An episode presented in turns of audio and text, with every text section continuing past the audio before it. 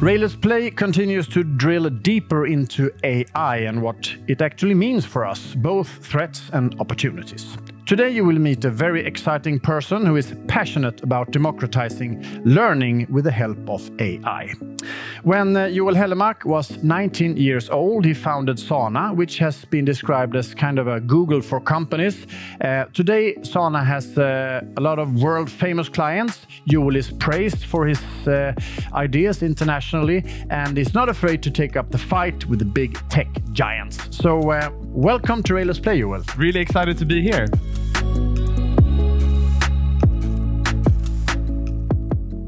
Joel, uh, I think you seem to be a very exciting person. You have a very exciting background. You grew up in Japan and, and, and Singapore, and it feels like you have always been incredibly curious and thirsty for knowledge. Is that right? Yeah, I've, I've uh, from a very young age, I got really obsessed with this idea of autodidacticism that you could just teach yourself anything. So yeah. I spent way more time outside of school than in school just teaching me myself a range of subjects. I was really obsessed with neuroscience for some time and then eventually uh, AI. Yeah. And the years in Japan and Singapore, did that help too to be a curious person? I think so. I remember back then when when I traveled to to to Asia that they were so far ahead. So going into a technology shop there felt like traveling into the future. um, and I would always come back to Sweden with some device yeah. that felt uh, pure science fiction. Cool gadget. Exactly. Yeah. Know what you mean.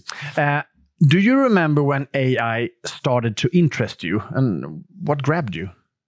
So I, I, started getting into computer science, and it was at the time where a lot of the leading universities started making their top courses public. So Andrew Ng, who was a professor at Stanford, he published his courses in in in, in computer science, and one of them was in AI.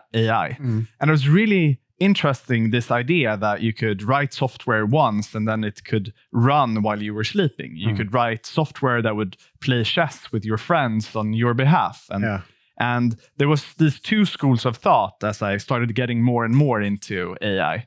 One of them was how do you automate um, human intelligence? Mm. How do you create systems that can sort of replace it? Mm. But then there was this other thought that was how can we build it to augment human intelligence? Mm. And that's what I found the most fascinating. If you could build these tools that would make yourself way more productive or intelligent, then people could use those tools to go and solve the world's most important problems. And uh, that's really what I got very interested in. Yeah. Are we talking about five, four, three or four, five years ago? Or is it longer, way back, longer? Um, so I got into pretty much from the beginning when yeah. I was uh, 13. I, okay. I, I, got into it and built everything from video recommendation systems to speech recognition and a host of other tools. Yeah. And how did that make you feel when you when you grabbed the thought of all this?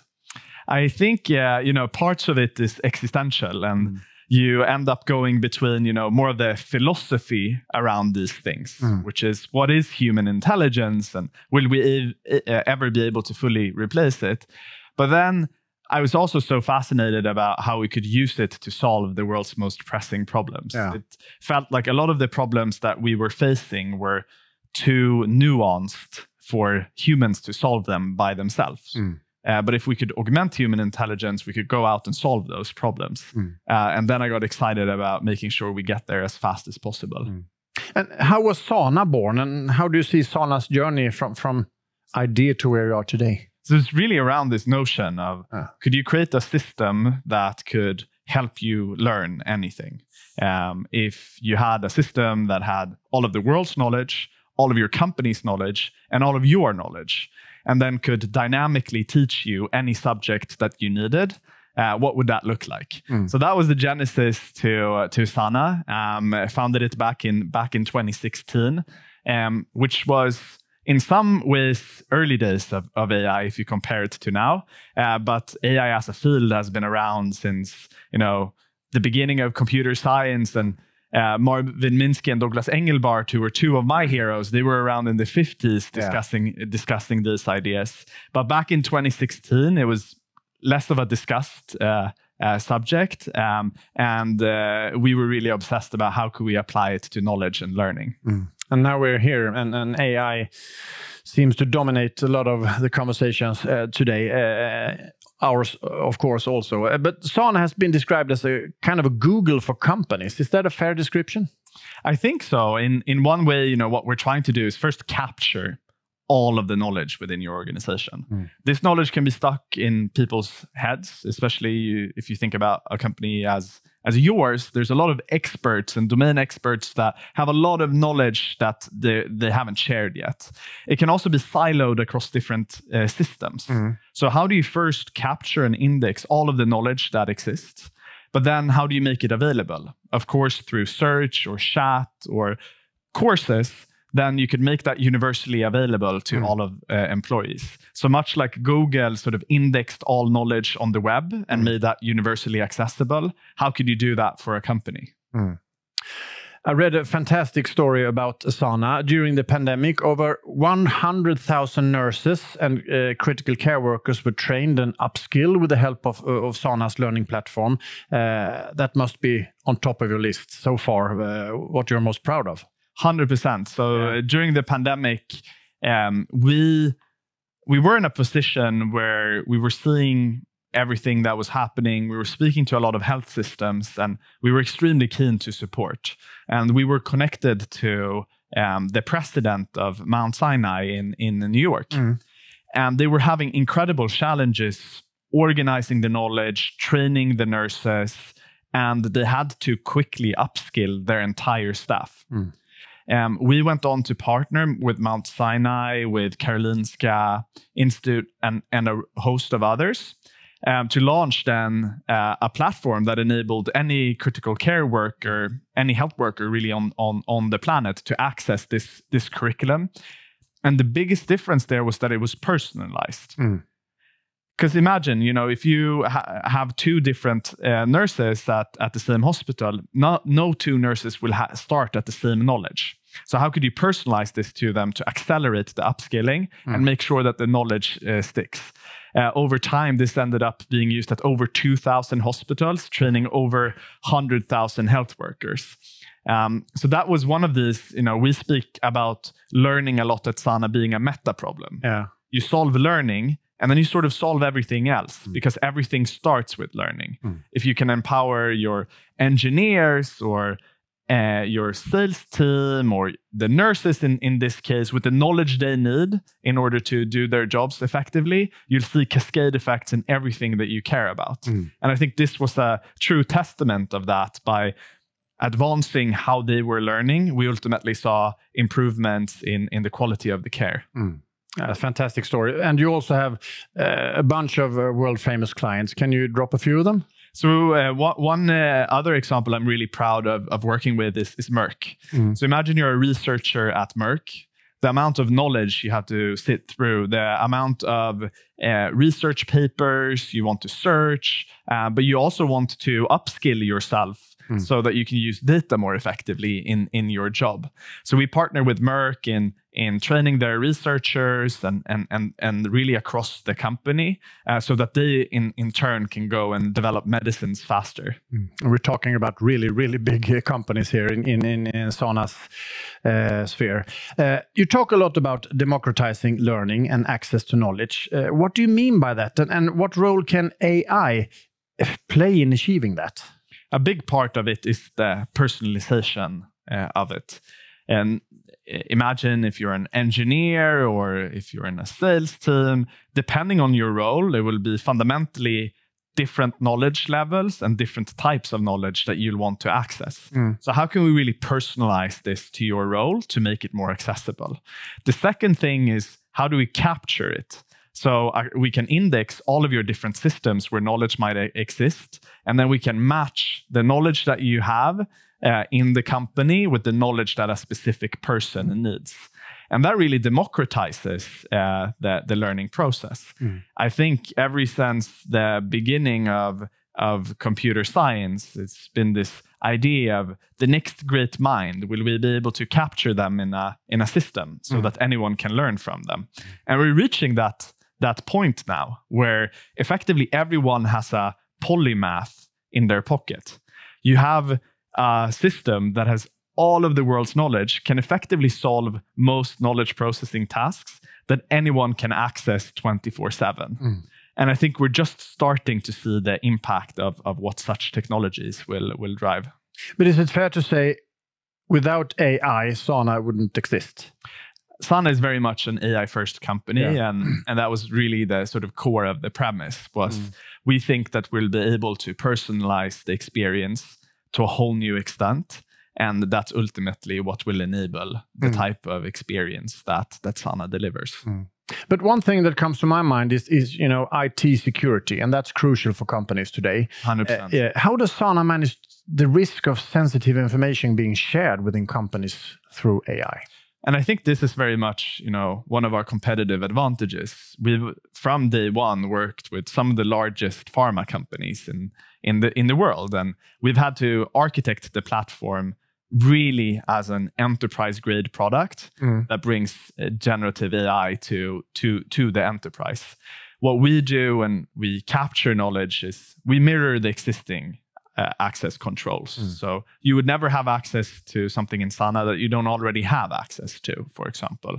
Um, and then the entire platform is is uh, created so that you can manage this at at scale. Mm. So the security issue is no problem as you see it. I think it's it's really one of our key selling points as well. People are really looking at how can we deploy AI in a in a safe way, and that's what what Sana enables. Joel, you have uh, big dreams, and I love that. And, and- but but big tech giants want Yeah. to dominate in AI. Yeah. Can Sana really compete against the big tech companies? So historically, what the big companies have been largely focused on is the horizontal use cases, building things like Microsoft Teams and so on. Uh, what they very rarely do is go extremely deep into one discipline, such as you know learning or knowledge uh, that that Sana enables, and that's what we're really focused on going extremely deep into our specific use case. And then we partner we partner with microsoft we partner with google uh, we have workday as a as an investor for example um, and then we partner with them because Yeah. they want to have the sort of horizontal layer and then they want tools that solve each individual problems uniquely well so we connect very seamlessly with Microsoft Teams, for example. Uh, but then when you want to learn and access this knowledge, that's what, what Sana does uniquely well. So you think you can exist uh, alongside those big tech companies? For sure. And but we also hope to be one of them uh, one day. Dream big. but Joel, if we talk more about AI in general terms, uh, a lot of people are afraid of what AI might do to us and to the world. Also, uh, politicians and even business uh, leaders wants to limit research and development when it comes to AI right now. What's your take on that? Um, I think it's incredibly important that um, you know we're very thoughtful and proactive in how we design these systems. Uh, I think we've learned historically where uh, we've had to correct things after the after the fact, Mm. and I think there's a lot of cases where I'm concerned with how AI is being deployed. Mm. Uh, recommender systems is is one of them. I think we set up these recommender systems with very simple um, ob- what's called objective functions. We just say, make Jesper watch as much video as possible. And this can go very wrong because it can start recommending things that might engage you, but in a destructive way. Um, and that's what where we've seen, you know, sort of growth of conspiracy theories Yeah. as a as a function as a function of uh, as a function of this. So in some ways, I wish we would have, uh, you know, been more proactive in in those cases. I think it's important that we're very specific um, in what we want to want to steer. Um, steering AI is very tricky because it's such a sort of broad broad concept. But is it possible to put the brakes down in Yeah. this when, when when a lot of there's a lot of money involved and there's a lot of uh, companies who wants to to to uh, sell and explore AI? Is it really possible then to put uh, hit the brakes? I think there again, it, you you have to be very specific in what what are the things that that you want to constrain. You're not going to be able to you know limit the advancements in in in, in AI. Those are sort of inevitable at at at this point. However, if you pick very specific issues, I think there are, there are ways to to slow those down. Mm. Should we be afraid? I think um, short term, the things I would be afraid of is, for example, recommender systems, Mm. Things like that. Longer term, I think there are some some views that I don't uh, I agree with in in terms of how these systems will will develop. I think one important nuance is, as well is that the development of of uh, of, of AI will probably help us address some of the biggest um, existential threats. Yeah. Um, so if you take climate change, it's a very nuanced uh, problem that we would be effectively impossible for us to solve without AI. Mm. And so my my argument is probably we need to get AI as quickly as possible um, in order to go after these threats. Yeah. Also, if you take the ta- like misinformation, of course, there's a risk that AI will create misinformation, but there's also an upside where it can help us address misinformation. Facebook has a massive uh, internal lab only focused on that task of applying AI to identify misinformation, which is a very tricky natural language uh, processing task. Fight fire with fire. and, and and most of that is still coming from from from humans, right? Yeah. I think another interesting thing is we're rediscovering a lot of problems as if they were new problems, and we're labeling them now with with AI. But most of these problems have been around right. for, for years already. But is it? It's usually said that every person is unique, and I think they are, of course. But but can AI really replace all human abilities? I, I think it will augment all human. I think what what we'll see uh, now is sort of the comeback of the Renaissance person, the the polymaths. Um, there are so many things that I'm keen to explore, and there's so many ideas that I would like to execute. Mm. But domain knowledge is often holding me back. Mm. What we will now get is every single person will have an assistant um, that can help them solve any sort of problem they direct it towards. Mm. And now these systems are, you know, let's say it's 120, 130 IQ systems today. Mm. What happens when you have a 10,000 IQ system in your pocket that you can put in uh, put into solving the, the problems you're looking to task? I think we'll see people that are able to combine dif- disciplines in, in whole new ways. We'll see humans being way more productive and some some argue that whenever you know we make humans more productive that will ultimately remove jobs that has never been true in history what has uh, uh, happened in, in in history is as we increase the productivity of humans that the cost goes down the demand increases which Mm. uh, also increases the, dem- demand for for talent and that's largely what i think uh, will will see happen if you make an engineer 50% more productive I don't see a case where we're going to have less engineers, Mm. um, but but rather we'll drive down the co- cost of the production of software, which will likely increase the demand. But some jobs will disappear, and uh, it will also create new ones. Yeah, the the one risk that I see is that this transition happens faster than we have ever seen in, in Yeah. history. We're used to this taking decades. Let's say it it happens over years. Then we will need systems to adapt to that. Yeah. So I, I see no risk that humans won't adapt, um, but it's just a timing question. And uh, there in between, we'll have to have systems that can uh, empower people to to reskill. Mm. Let's hope we, uh, you're right about that. but I th- uh, you told me before we got into the studio here that you yourself you have an AI assistant. yeah, exactly. So I have That's helpful. Um, so I use it for scheduling, for example. But today, unfortunately, I had uh, scheduled my my day a bit a bit too tight. um, so I had to jump to a, to call straight after this. Uh, but that's been in you know scheduling is is one of those tasks, right, where Yeah. it's not fun for for anyone. No, so your AI assistant wants you to be more effective. and it, and it has a very clear it knows exactly where i want to have lunch it knows what, what times i want to schedule how long my meetings uh, should be and effectively coordinates all of them I hope we're on time.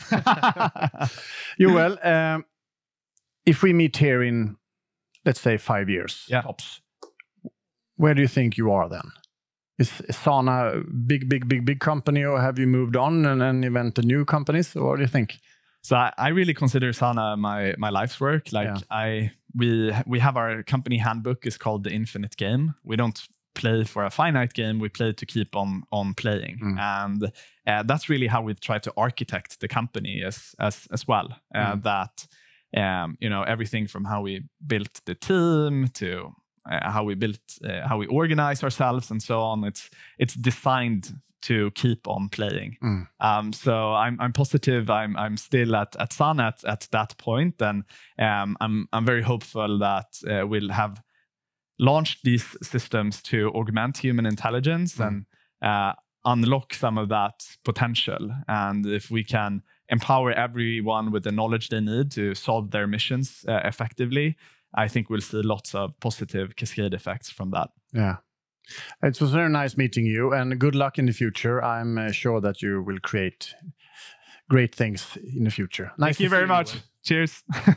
uh, thank you for watching, uh, Joel Hellermark, the founder of uh, Sana, a very exciting person, and a very exciting interview. We will be back with more interviews uh, soon. Take care. Bye bye. Du har lyssnat på podden Nytänkarna med Jesper Börjesson. Vill du se en filmad version av det här samtalet och andra intervjuer så finns vi på Youtube och där heter vi Railers Play.